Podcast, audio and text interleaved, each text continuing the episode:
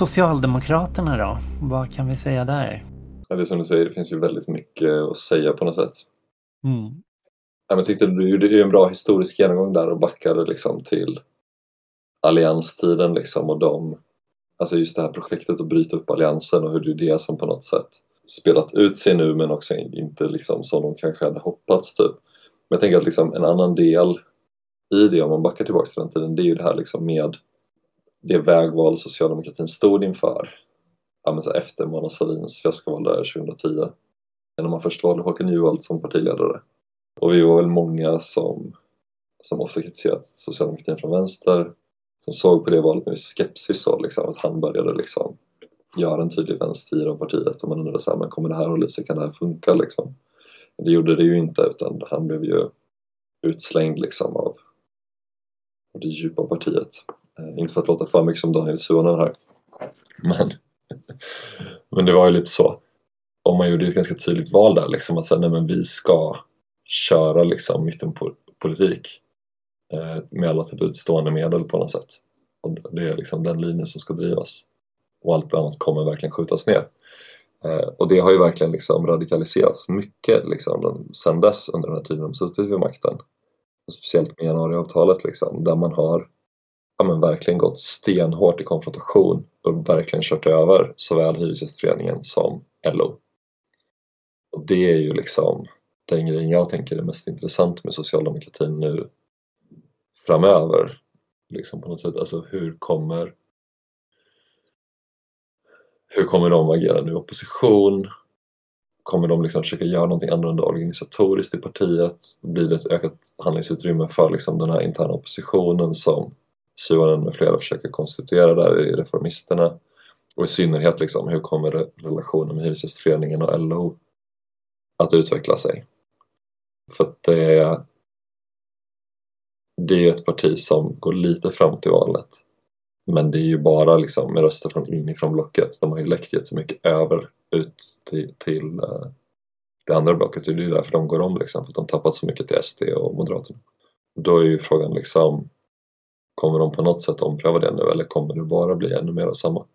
För jag tänker att så här, Socialdemokraterna går inte att förstå nu eh, om man inte använder begreppet centrism någonstans. Hur, hur de i samband med ekonomiska krisen runt om i Europa försökte att ställa sig, skapa koalitioner kring sig i mitten som i stort sett skulle vara teknokratiska institutioner, opolitiska institutioner som bara skulle administrera ekonomin, administrera åtstramningarna och vara det partiet som, som tog Europa och länderna genom den ekonomiska krisen. Och också kunde liksom trycka ner löner, trycka ner, genomföra nedskärningar, genomföra åtstramningar, privatiseringar.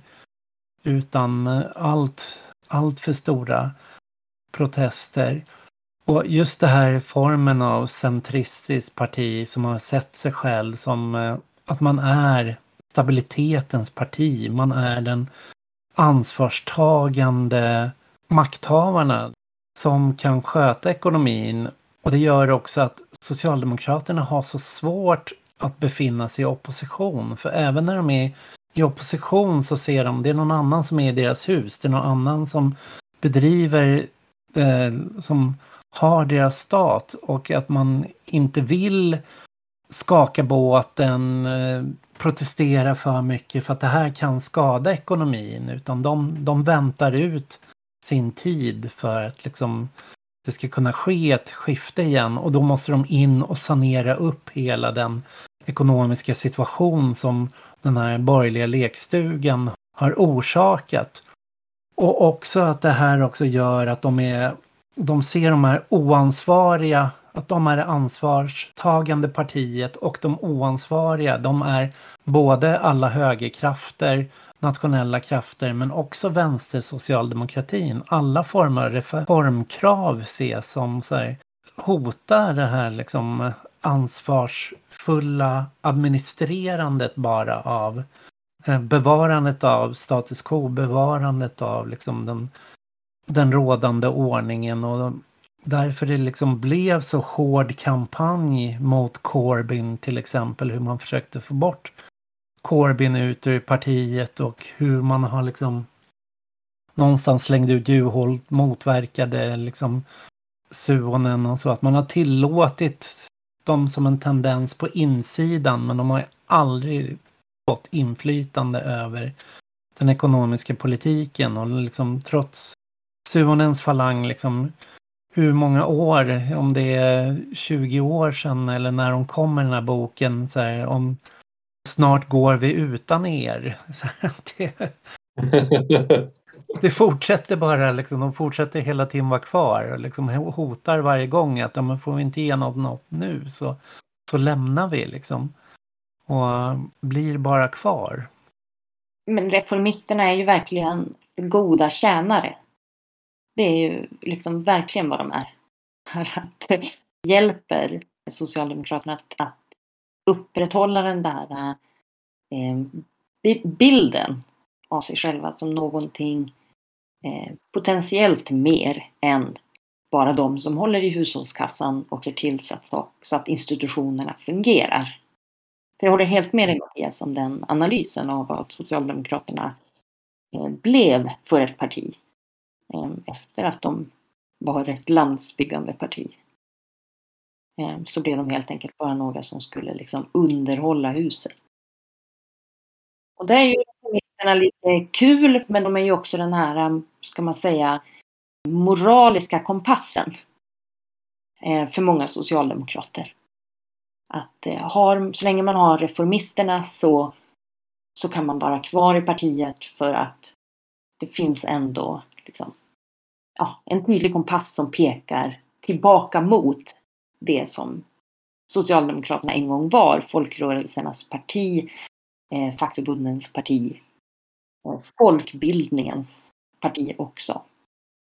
Ja, Aron Etzler han skrev ju intressant runt eh, vad kan det vara, valet 2010 någonstans. Att han beskrev att för första gången, ja, efter vad ska man säga, Göteborgstoppmötet med sociala forumen så kom socialistiska forumen som ABF organiserade så uppstod en eh, så öppning där eh, Socialdemokraterna höll en dialog med Vänsterpartiet, Miljöpartiet Etzler beskrev det som att ja, men det, är, det är inte tre partier längre. Det är två strömningar i tre partier. Att i eh, Miljöpartiet så finns det liksom en liberalare falang och det finns en eh, mer eh, ekologisk falang liksom, som var en, som en vänsterfalang och Socialdemokraterna hade också de två falangerna i sig så att, eh, som var väldigt nära Vänsterpartiet. Så att Vänsterpartiet, den falangen inom Miljöpartiet och den falangen i Socialdemokraterna har kommit att utvecklas ihop. Liksom att hela det här sättet att se att man ska, ja men det här är skrota liksom eh, eh budgettaket, eh, inte sp eh, sluta spara i ladorna, börja investera, gå tillbaks till en ny keynesiansk politik. Allt det där rörde sig över den här liksom partimiljön medan den andra falangen, liksom de miljöpartisterna som eh, samregerade liksom sen med Socialdemokraterna och mer var ju att ha en någonstans, det skulle vara teknik och liksom företagvänlighet och eh, låta marknadskrafterna verka liksom inom välfärden som var liksom vägen framåt för den här centristiska tendensen så att säga. Det är intressant att just Etzler gör den analysen och identifierar sig så starkt liksom med vänstern inom eh, SAP utifrån det du säger Karin om de goda kärnorna. Liksom. Nu föregår jag lite och pratat om Vänsterpartiet här men mm. det är mm. intressant att hur mycket starkt han uppenbarligen identifierar sig med, med det partiet och det projektet.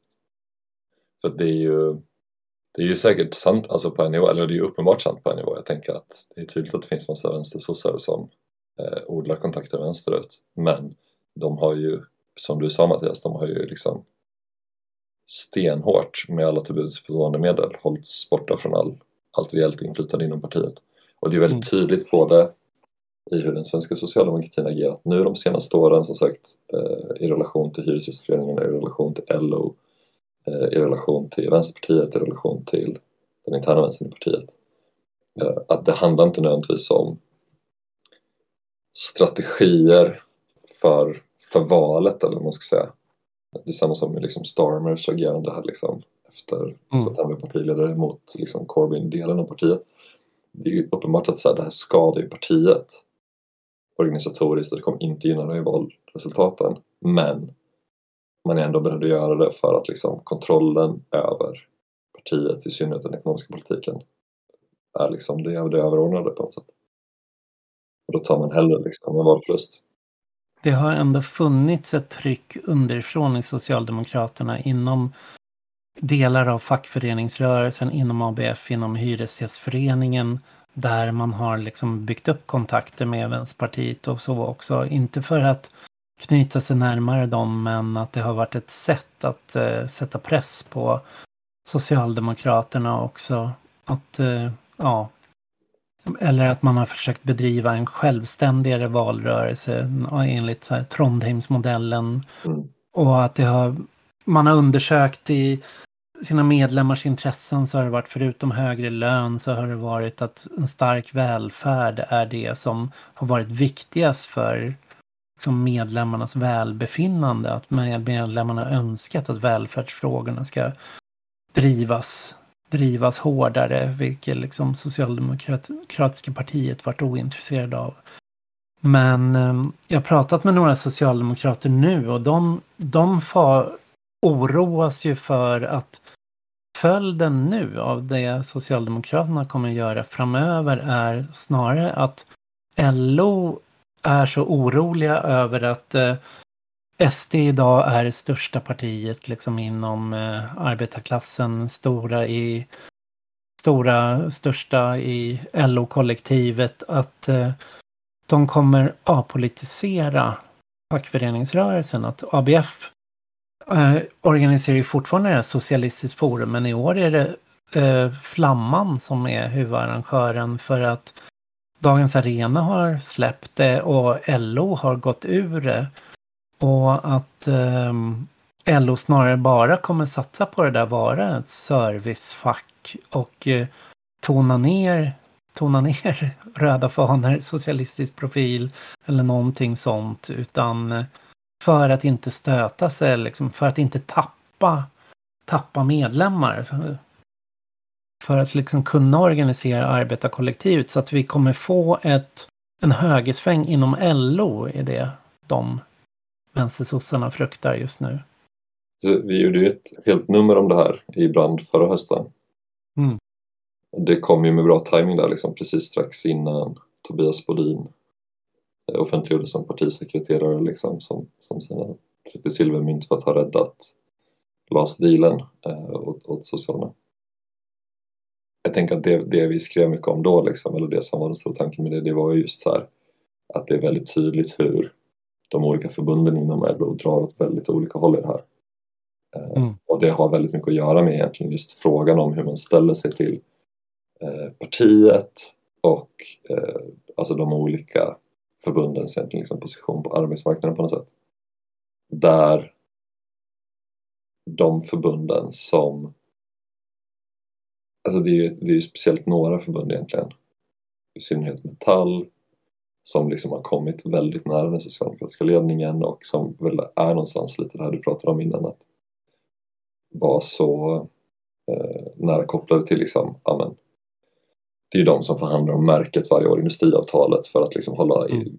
inflationen på rätt nivå och liksom vi tar ansvar för Sverige, liksom hela den linjen på något sätt, liksom, vilket ju på ett sätt ligger i deras intresse för att liksom, de kommer få en väldig arbetslöshet i sin kår om, om de misslyckas med det på något sätt. Medan liksom andra LO-förbund har ju verkligen hamnat i direkt konfrontation med, med partiledningen nu. Fastighets har ju i princip lämnat samarbetet vad jag förstår med Socialdemokraterna eller är på väg att göra det. Om det går igenom nu, men det verkar göra det. Eh, mm. Där de nog kommer ja, verkligen närma sig Vänsterpartiet. Eh, så det är snarare en avpolitisering så handlar om, om mer att man hamnar i konfrontation med Socialdemokraterna. Men det är ju ingenting som, som LO-förbunden riktigt har valt själva utan det är ju någonting de gör högst motvilligt men lite tvingas till i en situation när partiet helt har slutat, helt har slutat lyssna på dem. Helt tappat intresse för det. Och, eh, det har ju skett en avpolitisering sedan väldigt länge, eller kanske alltid varit avpolitiserat egentligen, med liksom Saco och TCO. Och det blir ju tydligt nu med LAS, eh, ändringarna som gjordes som en del av januariavtalet, att eh, då förhandlade man med, med eh, Saco och TCO och gjorde en deal med dem. Och så fick liksom några LO-förbund hoppa på liksom på slutet för att rädda ansiktet för både sig själva och partiet. Men liksom LO står ju svagare än de någonsin har gjort. Liksom. Deras organiseringsgrad sjunker hela tiden, deras medlemstal sjunker hela tiden. Eh, deras politiska inflytande har vi ju sett liksom, de senaste mandatperioderna, till och med när Socialdemokraterna sitter i regering. Eh, så i praktiken saknar de politiskt inflytande. Så att LO kommer ju liksom det finns ju en stor öppning för liksom att det händer alla möjliga drastiska förändringar i fackföreningsrörelsen. Där vissa av LO-förbunden kanske radikaliseras, eh, blir mer stridbara och tar tydliga kliv vänsterut medan andra LO-förbund kanske snarare gör den, i den som du nämnde Mattias, liksom, och blir mer liksom apolitiska, mer SD-vänliga eller liksom mindre SD-kritiska i alla fall liksom, och försöker just bli den här rena serviceorganisationen. Så. Vi kommer mm. säkert få se bägge delarna på något sätt. Det har varit intressant också att följa Socialdemokraternas eh, olika valutvärderingar och inriktningar på hur de skulle bedriva valkampanjer och även hur deras egna tankesmedjor som kring eh Eh, tiden och Aktuellt i politiken och Daniel Färm, Pajamola, liksom de påläggskalvarna där liksom inom sossarna, hur de har bytt inriktningar. Att eh, man valde ju till en början att kontra Sverigedemokraterna som att säga att det var ett borgerligt parti. Att Sverigedemokraterna röstade som borgarna i alla ekonomiska frågor. Eh, så att det var liksom det som var huvudriktningen. Att man inte bara och det var utifrån en utvärdering också. När Sverigedemokraterna kom in i riksdagen så körde man bara de är rasister, de är extremister, de är nazister. Det funkade inte bra. Då beslöt man att säga att men, de är ett borgerligt parti. Liksom fokusera på det istället för nazikopplingen. Tills man kom fram till eh, eh januariavtalet, januariöverenskommelsen om man själv började bedriva den där borgerliga nedskärningspolitiken tillsammans med Centerpartiet, Liberalerna, liksom genomföra deras kravlista. Då fick de gå tillbaks till att prata om Sverigedemokraterna bara som ett nazistiskt hot, liksom som det nazistiska partiet. Och det, det var ju det som bara var kvar i den här valrörelsen. Att eh, de gjorde ju Sverigedemokraterna till sin huvudmotståndare. Och någonstans verkar de ju ha utgått från att det här skulle vara som eh, att de kopierade Hillary Clinton-kampanjen någonstans och skulle utse SD till sin huvudmotståndare, inte Ulf Kristersson, inte Moderaterna. Och att det här skulle vara som ett presidentsval där man bara skulle lyfta fram bilden på Magdalena Andersson. Här har du en ansvarstagande, den som har tagit sig igenom pandemi, in i NATO.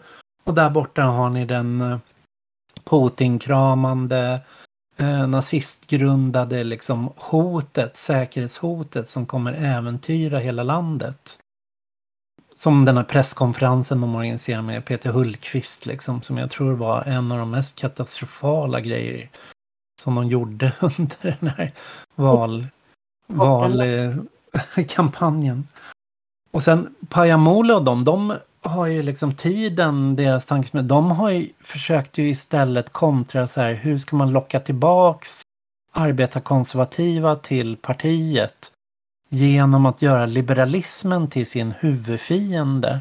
Så där i, ehm, om man läser tidningen Tiden, liksom, jag, vi får den hela tiden till brand, så jag liksom, brukar alltid plöja, plöja varje nummer.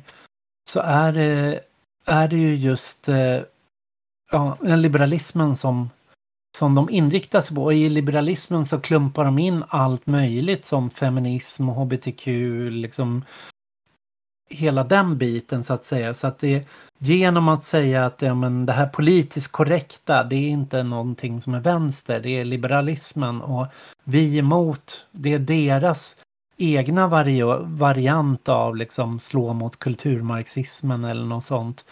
Och att därigenom den arbetarkonservativa väljaren ska känna sig hemma och, igen är det där, alltså det där är kultur, den liberala kultureliten så här, som man är mm. emot. Och den, den strategin blev ju också så märklig. Den, den tystnade helt i valkampanjen för den gick inte att bedriva. Liksom.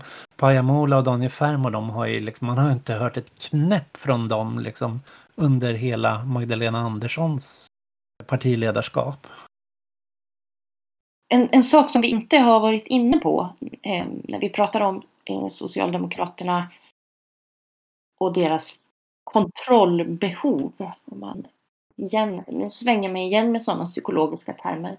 Men det är ju också detta med, eh, med biopolitiken och som de startade med Thomas Bodström när han var justitieminister.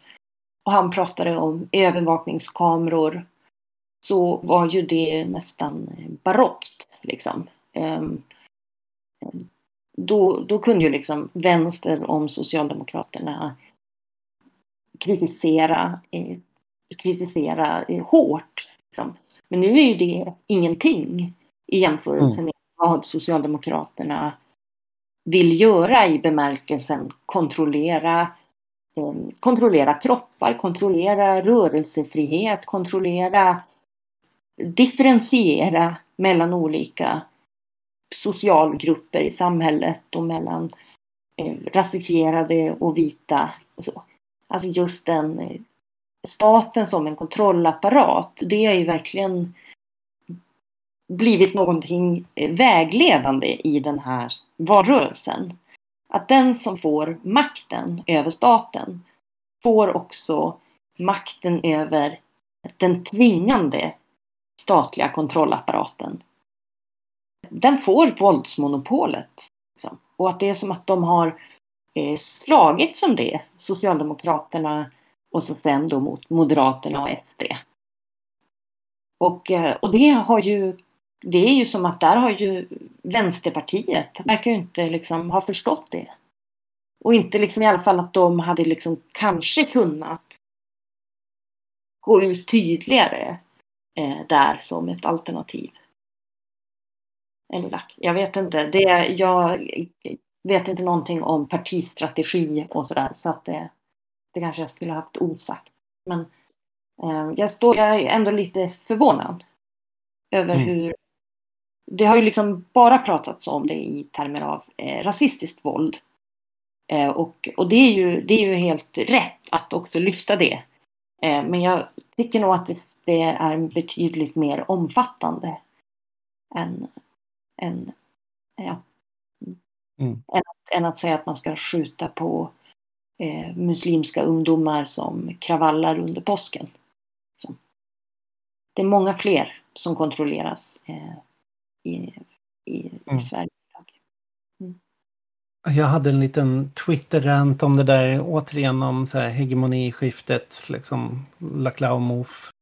Att om vi har nu gått igenom ett skifte från en nyliberal hegemoni till en annan form av hegemoni. Så vad är den här nya som har upprättats? Så jag, jag ser det som en populistisk hegemoni där alla partier någonstans som det nya sunda förnuftet eller det sättet man måste föra en diskussion måste utgå från en viss form av eh, nationalkonservativ populistisk retorik och drapera in sitt budskap i. Även om det är en socialdemokrati eller om det är politik för segregation, mot segregation, för privatisering mot privatiseringen så måste det drapera sitt sånt språk. Man måste prata om folket, om Sverige, om Sveriges väl.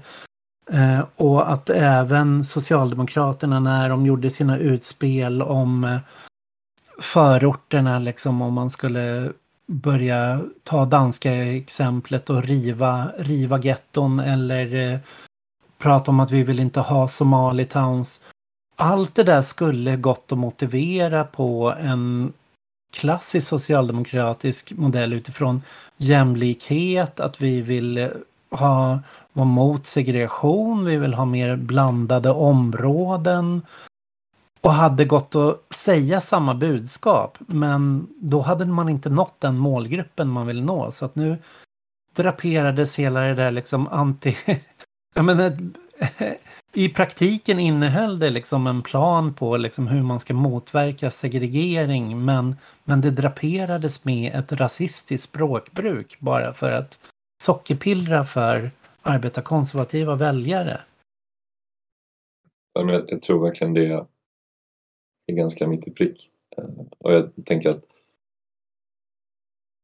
det är väldigt tydligt att, att de tror det, om inte annat. Liksom. Det har ju verkligen varit väldigt utstuderat i den här valrörelsen. Det är inget man bara gör lite per automatik utan det finns en väldigt tydlig plan liksom, från Socialdemokraterna. Det är intressant att se nu liksom, att så här, hur de gör en läsning av det här. Liksom. De gick fram lite, de fick mest väljare inom blocket. Kommer de tolka det som att eh, ja, men det här var rätt, det var bara liksom, Vänstern och Miljöpartiet som gjorde för dåligt men, men vi gjorde rätt, vi är på frammarsch. Liksom.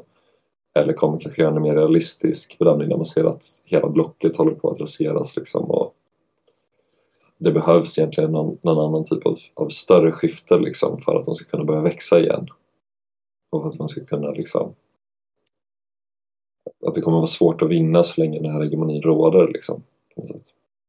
Ja, de verkar ju se det som en valframgång trots att de förlorade i och med att de åt upp eh, delar av Vänsterpartiet. Att liksom i, i norra Sverige så tog de väljare från Centerpartiet, de tog väljare från eh, från Vänsterpartiet. Eh, Vänsterpartiet tappade stort på landsbygden och i, på riksdagsplanet så gick också den största strömmen av Vänsterpartiet-väljare enligt SVTs valundersökning gick till, inte till Miljöpartiet utan till Socialdemokraterna återvände dit. Och att de, eh, ja, ser det som så här, att trots att det, det val de har gjort är liksom eh, de hamnade på 2018s nivåer. Då har de ju konstant gått neråt och det här var första lilla där de inte liksom fortsatte neråt utan mm. lyckades. Precis, ja. några sedan 98 typ. Näst sämsta valet, ja. ja just det. Det, det är ju det är intressant för det är ju verkligen jag ska inte säga att det är verklighetsfrånvänt, jag menar för de, de eh, har väl sina analyser och sin förståelse och sina utgångspunkter för det här liksom. Men det är ju svårt att se, speciellt liksom i den tiden vi går in i nu liksom, med ännu mer instabil ekonomisk situation och ännu mer instabil geopolitisk situation. Att tänka att de ska kunna liksom gynnas av det under de kommande fyra åren. Jag har liksom, har liksom bara väldigt svårt att, att tro det på något sätt. Men samtidigt så tänker jag att det är ju ett parti som befinner sig i en omöjlig situation om man tittar på de större, längre linjerna det finns liksom ingen väg för dem riktigt eh, i sin nuvarande organisation, sin nuvarande form, liksom, att verkligen på allvar börja, börja vända trenden för att det är precis allt, allt det de byggde liksom, sin uppväxt och, och sin, sin storhetstid på, allt är ju borta. Så det är liksom, det kom, socialdemokratin som som liksom institution kommer ju inte kunna hitta tillbaks till den hegemoniska positionen. Det, det, liksom, det känns helt omöjligt. Nej, och äta upp de andra partierna i samma block är ju inte lösningen för dem. De måste börja ta tillbaks högerväljare, SD-väljare. Liksom, och det. Ja, de kommer ju inte kunna fortsätta göra det tror jag inte heller för att de kommer liksom tvinga fram, om de fortsätter så här så kommer de komma tvinga fram en konfrontation vänsterut förr eller senare. De har ju mm. lyckats slippa det och det är inte tack vare dem själva egentligen utan det är, liksom, det är bara ingen som har rest emot dem. Men de skulle ju vara väldigt sårbara för det i dagsläget tror jag verkligen. Mm. Man såg ju det förra valet, alltså när det blev den här lilla konfrontationen kring marknadshyrorna. Jag ska inte säga att det är lite, för det är en jätteviktig fråga för mig och alla andra som bor i hyresrätt liksom. Men det är ändå en liten fråga kanske i, i eh, sett till av alla frågor de hade kunnat utmanas kring. Alltså när de utmanades och förlorar liksom, kring marknadshyrorna, det var ett jätteuppsving för Vänsterpartiet.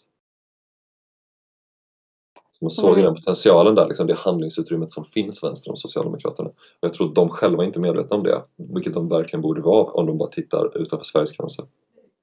Men det har de ju väl i, jag skulle nästan säga att det har de aldrig varit medvetna om. Utan att de alltid har behandlat allting vänster om dem själva som eh, en anomali. Liksom. Som väntar på att rätta in sig i leden. Så, Det, var, att, det blev ju väldigt tydligt där med hyres, Ja. ja. marknadshyrorna. Alltså, de flippade ju verkligen och jag tror det var tydligt att det, det kändes inte som spel för galleriet utan Stefan Löfven och Mikael Damberg och gänget, de kunde bara inte tro sina ögon. Liksom. nej. Mm. Men att de, vad de aldrig har förstått som, som, som stort parti, eller det kanske de har nu, det, det skulle väl i och för sig låta vara osagt, men det de inte verkar förstå nu i alla fall, det är ju hur de gynnas av en bred vänster. Av att det finns många vänsteralternativ. Eh, och där är vi ju inte idag. Vi är, ju- vänstern är ju totalt marginaliserad. Och det verkar de inte förstå. Dels att de har en del i och också att hur de på något vis skulle kunna gynnas av att bygga koalitioner vänsterut. Men tack, det har varit eh, spännande. Ja, tack Karin för att du var med. Tack.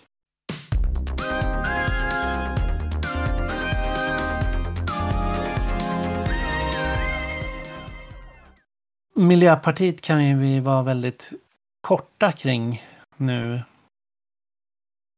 Eh, vi spelade in det här sent så det har vi haft ett långt samtal. Men Miljöpartiet räddades kvar i riksdagen av stödröster stödröster, mycket från Vänsterpartiet och även från Socialdemokrater som räddar kvar dem bara för att som enda sättet att eh, försöka få en eh, rödgrön eller en center-vänster majoritet.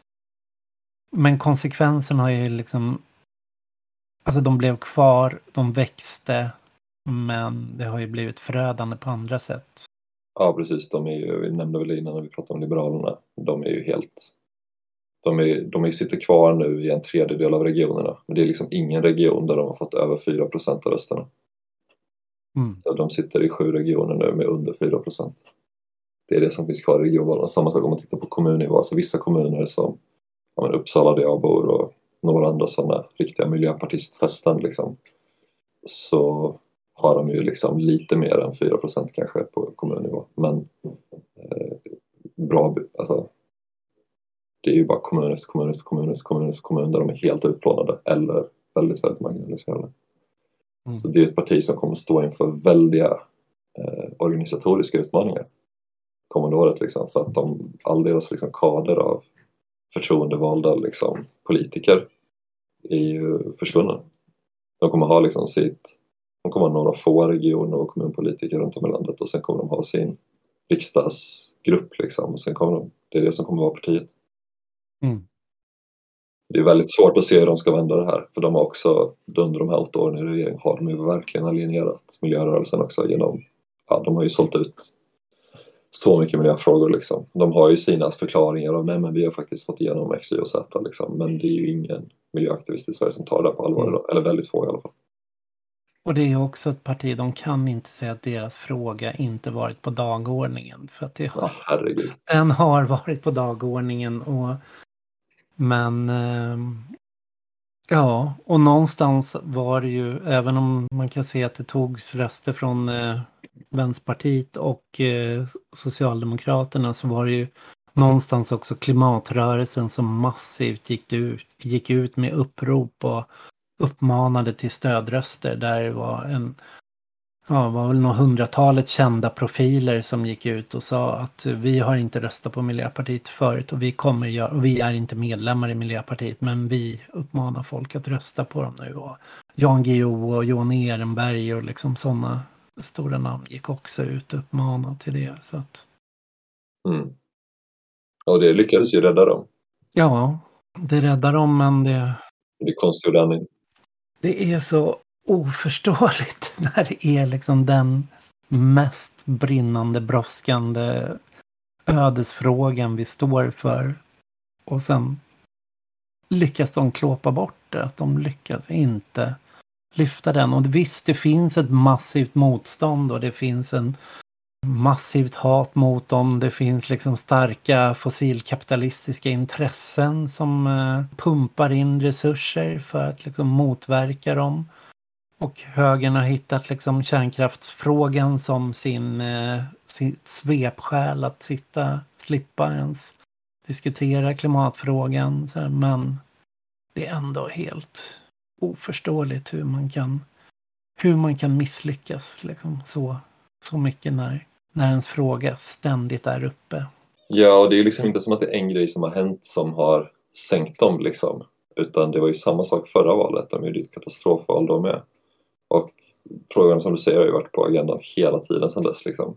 Och det har ändå funnits liksom en del massmobiliseringar även eller inte massmobiliseringar är fel ord men, men eh, alltså när det varit som störst i alla fall så har ju Fridays for Future varit ja, men ändå en hyfsat stor rörelse i Sverige.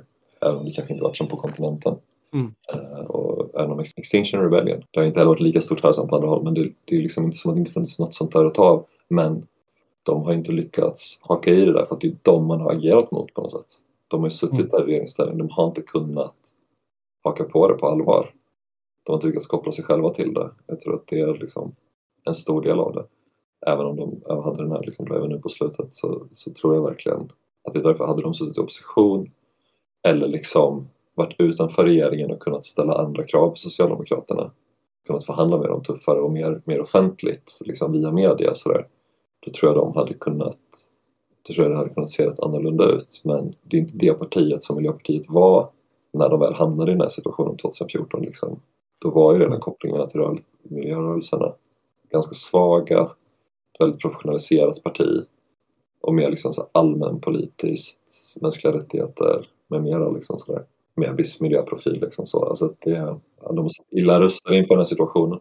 Och det är också så internationellt, liksom, eller på europeisk nivå, så har det inte alls varit så att vi kan se som en Pasokifiering av socialdemokratin. Att socialdemokratin i land efter land har, har rasat liksom, nästan utan undantag. Utan den gröna rörelsen har ju, de gröna partierna har ju i flera länder varit starka, växt, de har lyckats knyta an sig till antikorruptionsprotester och till vara regnbågspartier liksom för knyta an till hbtq-rörelsen, liksom till mm. eh, progressiva frågor så här. Men här i Sverige, så någonstans måste man ju säga att vi, Greta Thunberg drog igång Fridays for Future och det blev internationellt stort och hon blev en internationell stjärna.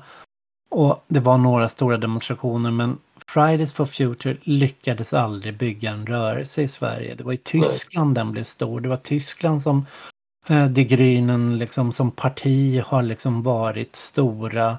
Att andra länder har liksom fångat upp den där rörelsen bättre medan i Sverige så Fridays for Future hade, fick ju mer en kändisstatus än att de faktiskt lyckades bygga en massrörelse.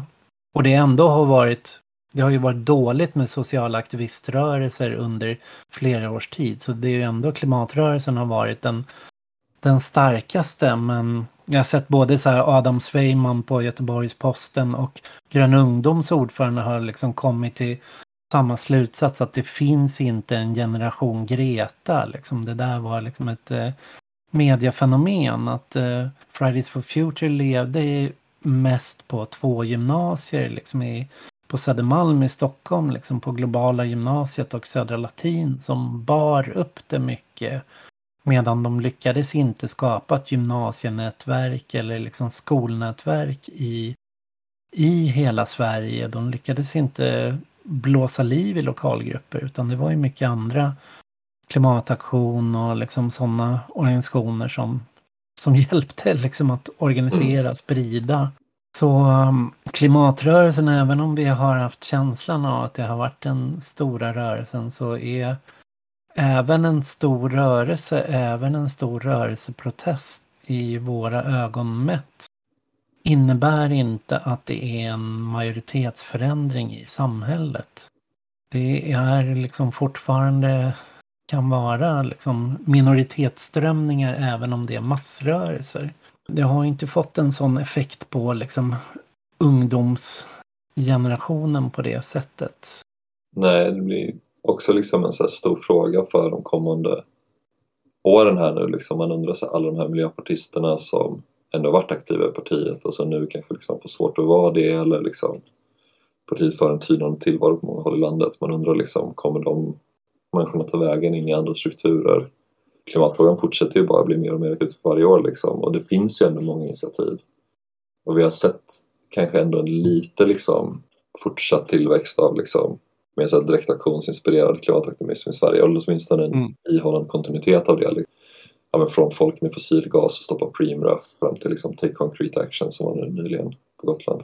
Mm. Så det finns ju någon utgångspunkt, liksom, små celler, liksom, som små frön för någonting att växa ur eller bygga på. Men kanske kan det bli liksom ett uppsving för sådana saker även om alltså att Miljöpartiet kollapsar nu. Men, men det känns ju inte heller självklart. Liksom. Man jobbar ju i en väldig motvind just nu och vi kommer ha en regering som som kommer tvinga en klimatrörelse att vara väldigt mycket på defensiven eftersom den i praktiken verkligen är så klimatförnekare på en nivå som Socialdemokraterna kanske ändå inte är. Liksom.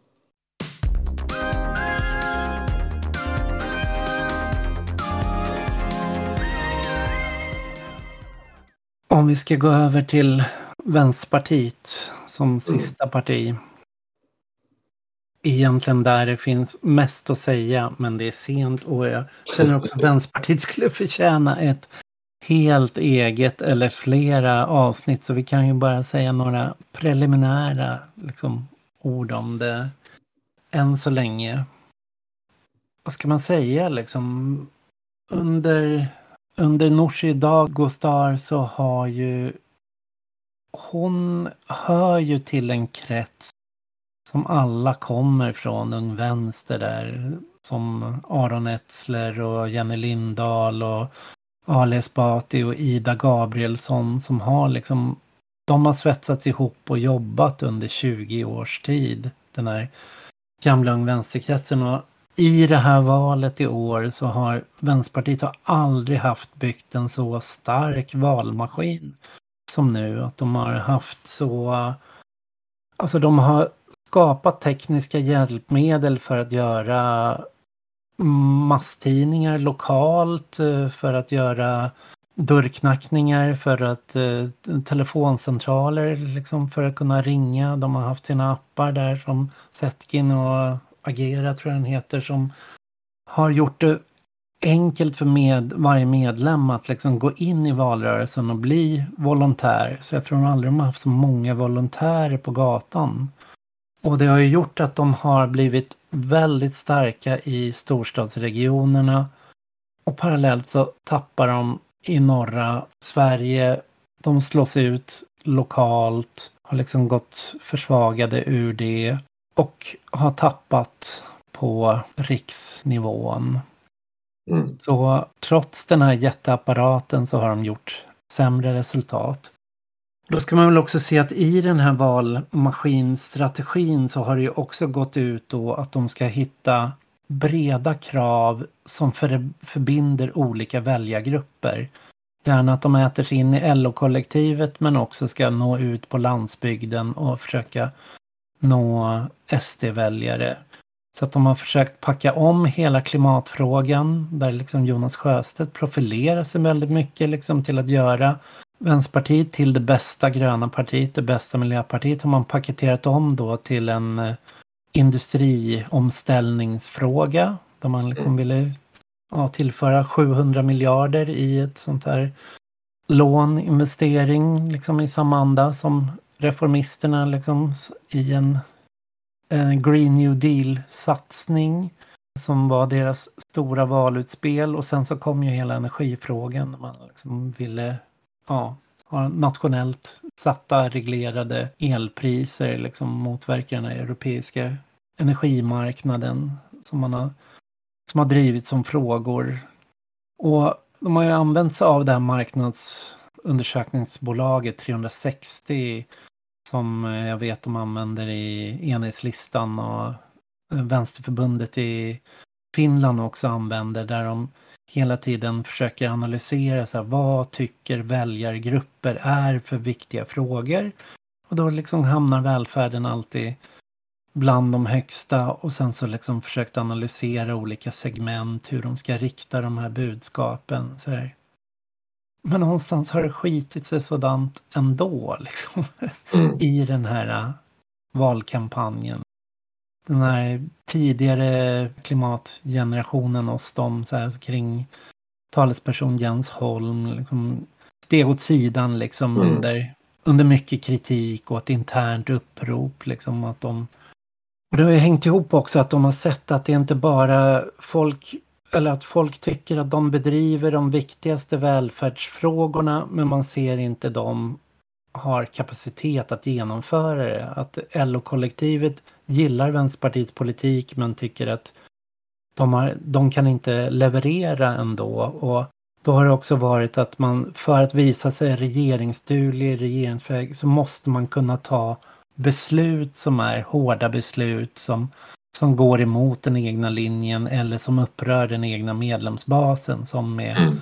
Cementa-beslutet eller bensinpriserna eller någonting sånt. Att det har setts att ja, men vi kan ta de här hårda besluten även om det går emot liksom, vad våra egna medlemmar egentligen brinner för så, så, så kan vi fatta de här besluten. Men Mm. det har ju snarare lett till att, eh, ja, Det har ju lett till att deras väljare liksom, så det är väl lite som med Moderaterna som ska vara så här, men vi kan också vara som Sverigedemokraterna. Och då tappar Mm. de till Sverigedemokraterna. Det är lite, samma sak här, liksom, men vi kan också vara som sossarna. Då tappar de väljare till sossarna. mm, Alltså jag tror ju, jag, tror- jag tror ju, jag vet inte vad 360 skulle säga om det liksom, men jag tycker att det ser ju väldigt mycket utifrån ut som att jag minns två tillfällen de senaste ja, men, vadå, 15 åren där det verkligen var liksom uppspelt kring Vänsterpartiet. De hade mycket energi, det var mycket fokus på dem och det var liksom oj, oj, oj, Vänsterpartiet, här kommer Vänsterpartiet, Vad- hur ska det gå med Vänsterpartiet? Och det kändes som att de hade verkligen momentum med sig. Och det Mm. var ju först liksom med frågan kring röd knapp, alltså Mm. kring om de skulle sänka januariavtalet.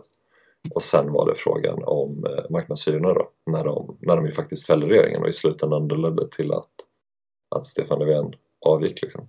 mm, jag vet inte vad 360 skulle säga om det gäller deras analyser, men på något sätt så kanske man överskattar sakfrågorna lite och underskattar skiljelinjerna i politiken och liksom att skapa konfliktytor som får väljare att ta ställning. Nu har man haft de senaste fem valen som huvudstrategi att eh, nu ska vi vara ett, det bästa stödpartiet till Socialdemokraterna, de som får dem att gå lite längre vänsterut. Och vi ska vara tuffa i förhandlingarna, vi ska se till att verkligen kräva ministerposter den här gången. Men eh, vi ska såklart ha en socialdemokratisk regering för att det är ändå det, det bästa regeringsalternativet för, för Sverige. Man har haft den strategin i stora drag, liksom, alla de här valen. Och efter den här konfrontationen med marknadshyrorna nu förra året så var det ju det man gick tillbaks till och det är ju det man kört sen förra hösten. Och när man fått frågor om allt som varit det minsta mer radikalt egentligen så har Nooshi eh, skjutit ner det väldigt hårt. Och ofta i direkt linje med partilinjen som du sa. mm, Eh, och skapat väldiga konflikter internt tycker jag det verkar som. Det kommer vi nog se betydligt mer av liksom, nu efter det här resultatet också. mm, Det ser vi väl redan eh, för fullt liksom. Men det, det, det jag tänker är så här. Ja, Jag vet inte om jag skrev det här liksom i något annat sammanhang nyss. Liksom, att så här, kanske är den här mandatperioden vi till slut får se Vänsterpartiet gå i lite riktig opposition mot Socialdemokraterna. Att liksom säga så nej, men vi, ska, vi har en tredje position. Vi är liksom till vänster om allt det här. Vi kommer liksom inte samarbeta med mitten i första taget.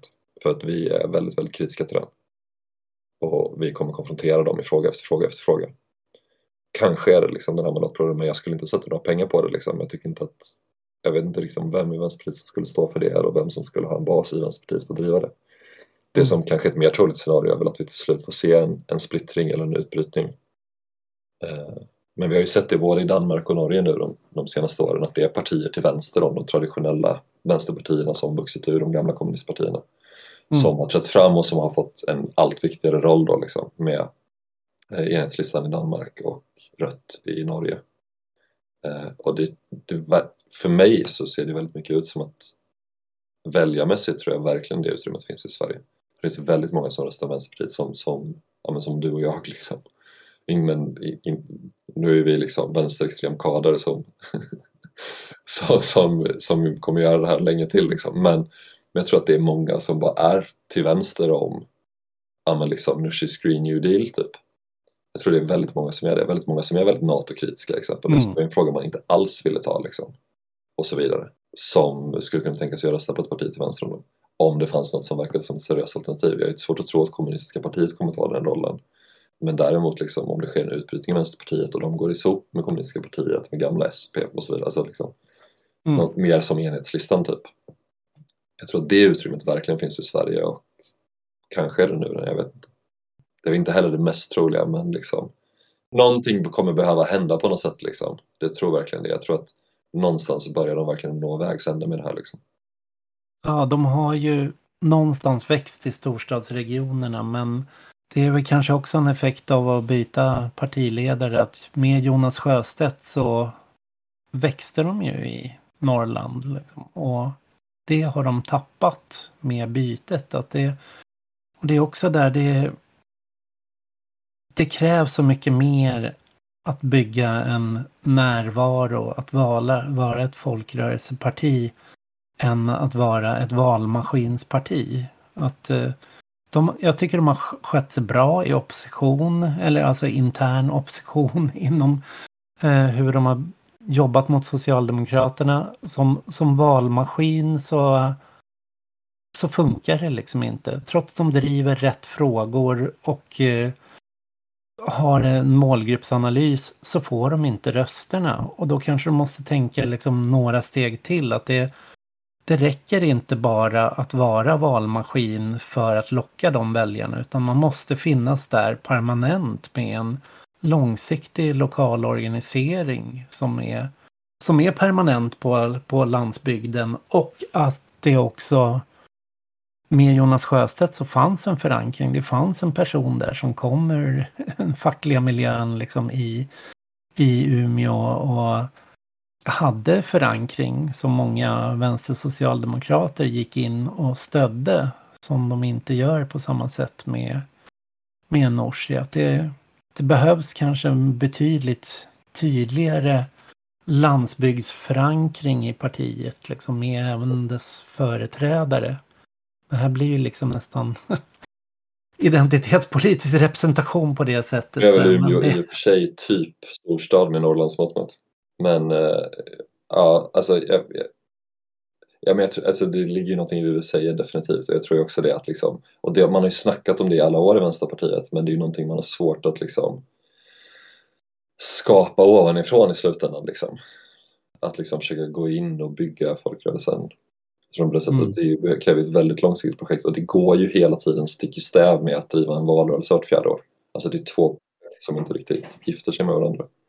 Mm. Men eh, jag tror ju också, jag tror ju väldigt mycket på det här just med frågan om, om konfrontationen liksom att utmana, alltså att bli ett mer systemkritiskt parti helt enkelt. Liksom. Mm. Jag tänker att för det har man ju verkligen gått ifrån i den här valrörelsen. Jag menar det är väldigt mycket snack både liksom, vare sig man snackar om partiets mitt liksom med så Nushi och liksom värvningen av Sandro Scocco och sådär. Alltså det är väldigt mycket liksom så här, tillbaka till efterkrigstiden. Vi ska liksom bygga det här nya samförståndet som fanns på den tiden och liksom en ny stor kompromiss liksom mellan liksom mm. tjänster, och arbetare och kapital. Liksom, ungefär. Eh, mm.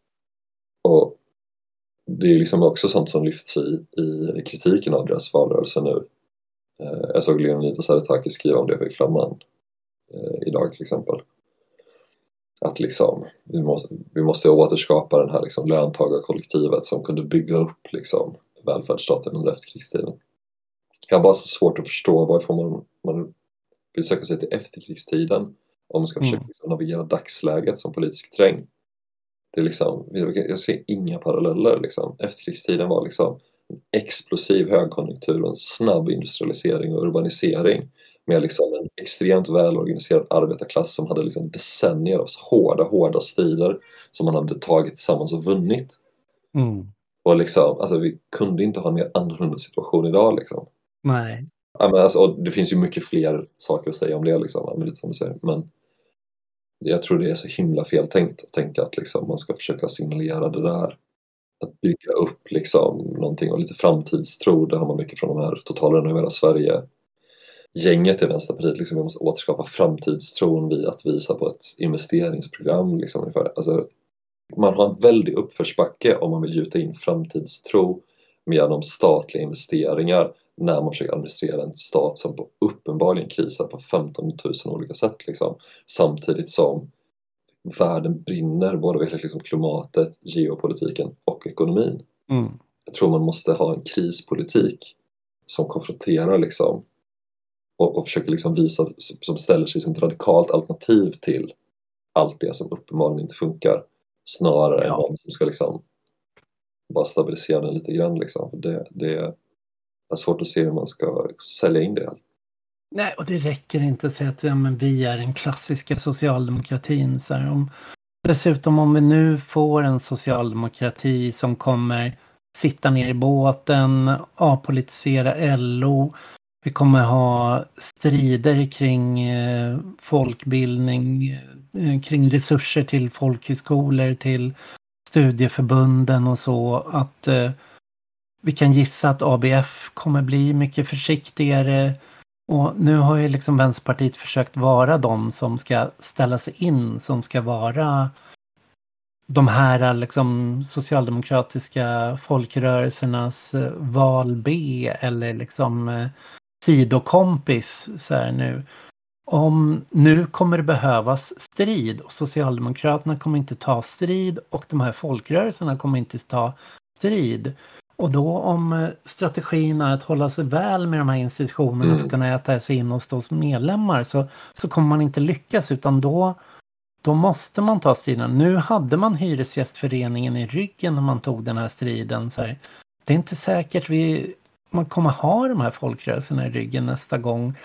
Även om medlemmarna kommer föredra striden och kommer föredra de här frågorna. Och då har man ju öppningen där. Att föra de kamperna Socialdemokraterna inte kommer föra, men också föra de kamperna som deras folkrörelser kanske kommer nu backa undan från och inte föra. För de har ju levt på det här glappet någonstans mellan Socialdemokraternas arbetarrörelse och parti. Liksom. Och det glappet kanske inte är där på samma sätt längre. Nej, alltså, alltså som sagt, det kommer säkert bli lite olika där med fackföreningen och det tror jag verkligen. Alltså att, det tycker jag man redan ser att så här, vissa fackföreningar rör sig mer och mer mot att bryta med LO-ledningen och mot att närma sig Vänsterpartiet och hålla en mer radikal linje, eller åtminstone hålla en mer konfrontativ linje mot, ja, men både mot SAP och mot övriga LO. Ja, men typ fastighets eller vad heter det, byggnadselektrikerna, säkert några till liksom. Men andra kommer ju liksom inte göra det och jag tror att även om man kan vara med i sådana strider är det svårt att tro att det också är... Jag tror att förbundsledningarna i fackföreningarna idag har väldigt lite inflytande över hur medlemmarna röstar. Även om man skickar ut sina medlemstidningar eller vad det nu kan vara liksom. Så tror jag att den kopplingen inte är så stark som den brukade vara liksom. Så att det, eh, ja. det är klart att det är jättestor vinst för Vänsterpartiet om de kan göra inbrott i, i fackföreningarna. Det är ju ingen dum strategi på det sättet liksom, men ja, det är en svårnavigerad terräng liksom. Mm. Ja, jag tror verkligen det gäller skrik högre, var radikalare, organisera både in men också bygg organisering utanför liksom, arbetarrörelsen så att man kan rycka i. För att det är när liksom sossarna känner att det börjar röra sig utanför och de inte har kontroll över det, det är då de börjar flytta sig. Så, att det så länge det är i deras egna organisationer så kan de hålla det kontrollerat liksom på mm. en låg nivå och ge det en underordnad roll. Precis som reformisterna och liksom katalys har liksom en sån underordnad roll. Bara en, en ventil liksom. Men mm. det måste kännas att det är på väg att balla ur och ta en annan riktning för att det ska hända någonting. Verkligen. Men jag mm. tänker också på så, så här, de har ju haft sånt enormt medlemsuppsving under den senaste medlemsperioden. Ja, men du nämnde lite det liksom innan. De har ju varit typ 25 000 medlemmar nu i Vänsterpartiet. Så himla mycket folk som varit inblandade i den här valrörelsen. Man undrar om det bara kommer fortsätta nu, om folk känner ännu mer att nu måste vi verkligen stoppa SD, nu ska ännu fler gå in i Vänsterpartiet och driva på liksom så här, tröst, tröska på liksom på något sätt. Eller om det nu kommer vara så att fler kommer vilja söka sig till andra politiska projekt som kanske mer direkt på olika sätt mm. eh, tar strider eh, kring liksom bostadsfrågor, kring i, alltså antirasistisk kamp. Eh, också så här, ja, att försvara aborträtten eller vilka frågor som nu kan bli aktuella med den här liksom, regeringen som kommer. Kanske inte aborträtten är hotad den här mandatperioden men, ja, men du fattar, liksom, alltså, olika feministiska frågor kommer aktualiseras tveklöst. Liksom. Och så vidare. Liksom. Det kommer ju vara många olika kamper som kommer behöva tas. Om man undrar om många som har försökt med i Vänsterpartiet tröskat på, det kanske, nu har man den här enorma besvikelsen mm. liksom, till valresultat. Om det kanske öppnar upp för att folk kan, kan komma ut i rörelse eh, på andra sätt. Det skulle ju kunna vara en, en liten förhoppning som vi skulle kunna avsluta podden med kanske. För det tror jag är vad som verkligen behövs just nu. Ja, och just nu så finns det ju inte heller så mycket utanför Vänsterpartiet. Att eh, Fi är ett stort sett utraderat, finns kvar i tre kommuner. Rättvisepartiet är i stort sett utraderat, finns i en kommun i Luleå som de har mandat. Eh, de här välfärdspartiet, eh, socialisterna, har jag inte hört hur det går. Eh, Här i Uppsala hade de ju sitt enda mandat tidigare och det är de, var de väldigt, väldigt, väldigt, väldigt, väldigt långt från behålla. Men det var ju ett avhopp som gav dem mandat. Ja, där exakt. Har de ju ja, ja. Sen har vi ju Marcus Allard och Örebropartiet och de, de har ju faktiskt gått framåt och de har ju bildat så här listor i en tiotal svenska städer och har de är ju faktiskt större än eh, Medborgerlig Samling och Alternativ för Sverige och alla de här högerpartierna utanför Sverigedemokraterna. Det är den största liksom, eh, vad ska man säga, anti-invandringspartiet men ur någon slags, ja, ska man ens kalla det vänsterperspektiv. De, de har ju växt. Så. Um, det, det finns inte mycket kvar utanför heller. SKP är väl i stort sett borta. Liksom, kommunistiska partiet vet jag inte hur mycket heller de har i nuläget. Det som finns är ju liksom de här utomparlamentariska strukturerna och de står ju heller kanske inte så starka som de gjorde för eh, 15-20 år sedan men det är ju strukturer som på något sätt också är lättare att gå in i eh, än vad, vad partier kanske är liksom. Just att man kan göra någonting mer omedelbart. Liksom. Ja, som en avslutning då, läget i stort, ska vi säga nu att det nu ska ju ja, Ulf Kristersson försöka bilda regering och om vi ser de här åtta åren som Socialdemokraterna har trocklat med decemberöverenskommelsen och januariavtalet och så så har de ju hela tiden fått eh, regera på andras budgetar med risk om att skälpas och eh, behöva bedriva andras politik. Och Magda, Magdalena Andersson vill ju inte ens gå ut med någon vallöften i årets valkampanj. För hon säger att men eh, det, det är ändå passé liksom. Allt kommer ändå behöva förhandlas efteråt för att se vad man kan få ihop för konstellation som kan regera. Så att det är inte någon, ens någon idé att ge löften längre. För, för det, vi vet ju inte vad vi röstar på när vi röstar på partier. För vi vet ju inte vad, hur de kommer sitta. Och nu kommer vi ha den här spänningen liksom mellan Liberalerna och Sverigedemokraterna som kommer båda dra i liksom Kristdemokraterna, Moderaternas mm. eh, om det ska bli om SD ska sitta med eller inte, liksom om Liberalerna ska sitta med eller inte, vilka poster de kommer få. Men det enda vi kan utgå från är att det kommer vara en jävla massa eh, kompromissande och förhandlande konstant. Och vi vet att liksom när högerpopulistiska krafter har kommit till makten eller liksom något stort så vill de ju genomföra förändringar snabbt. Att det Sverigedemokraternas väljare är ju väldigt otåliga. De tänker att nu kommer det ske stora förändringar. Så mm. de kommer ju få extremt svårt att leverera. Eller så kommer de behöva hitta väldigt drastiska beslut som alla fyra kan enas om. Som de ska kunna genomföra i snabb takt nu för att visa att här, nu, nu sker någonting. Nu, nu, nu sker en förändring. Så det mm. är liksom en en skör höger och de kommer liksom vara söndergrälade och de kontroversiella frågor de ska driva igenom kommer vara väldigt viktiga för dem. Så går man in och liksom blockerar eller liksom protesterar där så har man ju en väldigt stor ja, makt så att säga.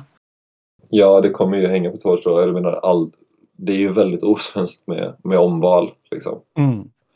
Och just det här att man vill, vill redan i förväg lova vilka man ska rösta på. Så där, liksom, har ju uppenbarligen varit en strategi för alla partier här nu. Liksom. Tänker på Spanien där senaste vändan nu så hade de omval tre gånger Mm. innan sossarna till slut bestämde sig för att regera tillsammans med Podemos. Det är ju inget som görs i första taget här men kanske, kanske blir det den här mandatperioden som det blir ett omval till slut. För att det kommer ju, om det hänger på ett mandat, vilket det väl ser ut som nu om jag fattar rätt här. Två mandat är det nu som de... Blir det två mandat nu? Mm. Hade jag två där. Men det är ju liksom två avhoppare liksom, en liberal och en sverigedemokrat. Så faller det liksom. Och vi vet ju att sånt händer ju hela tiden liksom. Mm. Ja, de kommer behöva ha extremt hård partipiska och det kommer Ja. vara... Jag tror det kommer vara svårt för dem liksom. Jag tror att så här, bland 16 liberaler så finns det säkert ett par stycken som har, kommer upprätta vissa gränser för sig själva som de inte kommer gå över liksom. Och som inte har så mycket att förlora på att ta den striden heller liksom. Kanske inte har så mycket annan politisk karriär att skydda eller sådär liksom. Så vi har ju sett några sådana den här mandatperioden. Och, det kom, och samma sak på SD-sidan är det ju, det vet vi ju sedan gammalt liksom. Alltså det är ju totalt kaos. Och jag menar, de ska fylla 73 mandat nu. De kommer ju behöva skrapa längst ner i botten. Bland sina liksom det är ju inga stjärnor direkt liksom, eller vad säga. och samtidigt ska de behöva hantera och sköta en krig i Europa, en klimatkollaps, inflation, eh, skenande priser vad gäller Ja. energi och mat. Och de sitter ju i en eh, mardröm som de ska hantera. Verkligen. Och då förväntas väljarna också så här att de ska få slut på alla skjutningar och liksom dessutom få stopp på migrationen och börja skicka hem migranter och föra sitt kulturkrig mot institutionerna liksom parallellt. Mm. Det är liksom, ja det är så många områden som, eh, ja, man skulle inte ens önska sin värsta fiende i den där situationen och nu sitter de där och behöver hantera. Och, vi, och det kan ju vara ett, utlopp ett utrymme förhoppningsvis på något sätt. Liksom, eller åtminstone skapa lite respit. Liksom. Eh, att inte det här väloljande reformpaketet som vi fick med Reinfeldt. Liksom. De gick ju in, var helt samspelta och bara slaktade eh, välfärden på 15 000 sätt. Liksom. Ja. Första hösten. Första liksom. månaden, första hösten. Ja, de visste ju precis hur de skulle... Alltså, sådär, eh, det kommer vi inte få se nu utan det kommer ju vara det här liksom, förhoppningsvis lite mer tafatta och lite mer så. Men det är ju också en väldigt farlig situation just av de anledningarna du nämner. Eh, och det finns ju vissa frågor där de kommer vara överens redan från början och där de kommer liksom att allvarligt attackera många av oss. Liksom. Om jag tänker alla oss som bor i hyresrätt till exempel. Vi har ju all anledning att vara väldigt, väldigt oroliga för hur våra hyror kommer att se ut om, om tre år. Det känns inte alls kul att tänka på. Liksom. Om jag tänker så här, är man hbtq-person Ja, men det är klart att där kommer ju det tas en strid kanske på ett annat sätt liksom, från Liberalerna. Men samtidigt som jag tänker att så här, det finns ju liksom ganska lite garanti där också. Det beror också lite på vad man menar. Liksom. Alltså det kommer inte vara så att homoäktenskap kommer förbjudas nu det första som händer. Liksom. Nej. Men man kommer ju få se massa attacker på annat sätt. Liksom. Och vi ser att den här rörelsen fått ett annat självförtroende. Det är ju bara liksom två exempel så, men jag menar att så här, det finns ju vissa områden där vi kommer få se strider och där man kommer liksom behöva vara på sin vakt i väldigt hög grad nu. Liksom. Och så finns det vissa andra områden där det kommer vara en, en frontalangrepp direkt. Men det de skulle kunna göra frontalangrepp på är ju riva upp alla Vänsterpartiets reformer de har fått igenom. Ja, Men det är ju också en sån politik som då skulle Sverigedemokraterna behöva stå för en nyliberal borgerlig politik för sina medlemmar. Och de kommer bara känna det i skinnet då vad Sverigedemokraterna bedriver för politik. precis, och vissa grejer kommer ju bara vara, typ som det här med pensionshöjningen, det kommer ju bara vara väldigt svårt att backa på det liksom, på kort sikt. Men eh, ja, den som lever får väl se, men det kommer ju behöva vi har ju ett väldigt akut behov liksom, av att verkligen mobilisera motstånd på många fronter nu. Det tror jag verkligen. Oavsett. Och just den här ekonomiska krisen och liksom geopolitiska krisen det gör ju situationen på ett sätt ännu farligare. Liksom. För att det, det kommer ju skapa kaos i det här högerstyret men det kommer ju också skapa öppningar för dem på olika sätt. Att göra liksom rätt grova grejer som de kanske inte hade kunnat göra annars. Vad gäller typ Mm. rättssäkerheten till exempel. Jag tror att så här, vi som politiska aktivister har ju all anledning att oroa oss också lite faktiskt. Kring Mm. liksom, alltså vi, bara hur, på vilket sätt repressionen kommer öka. Jo, ja, ja, definitivt. Klimataktivisterna har de ju redan satt att de ska göra allt för att fälla och fängsla. Precis. Och där, där kan man ju inte räkna med att Liberalerna kommer bjuda på så mycket motstånd heller kanske. Nej. Ja, vi får börja avrunda där. Men tack, tack Viktor, den sista kvarvarande paneldeltagaren. Det gör vi. Tack ska du ha.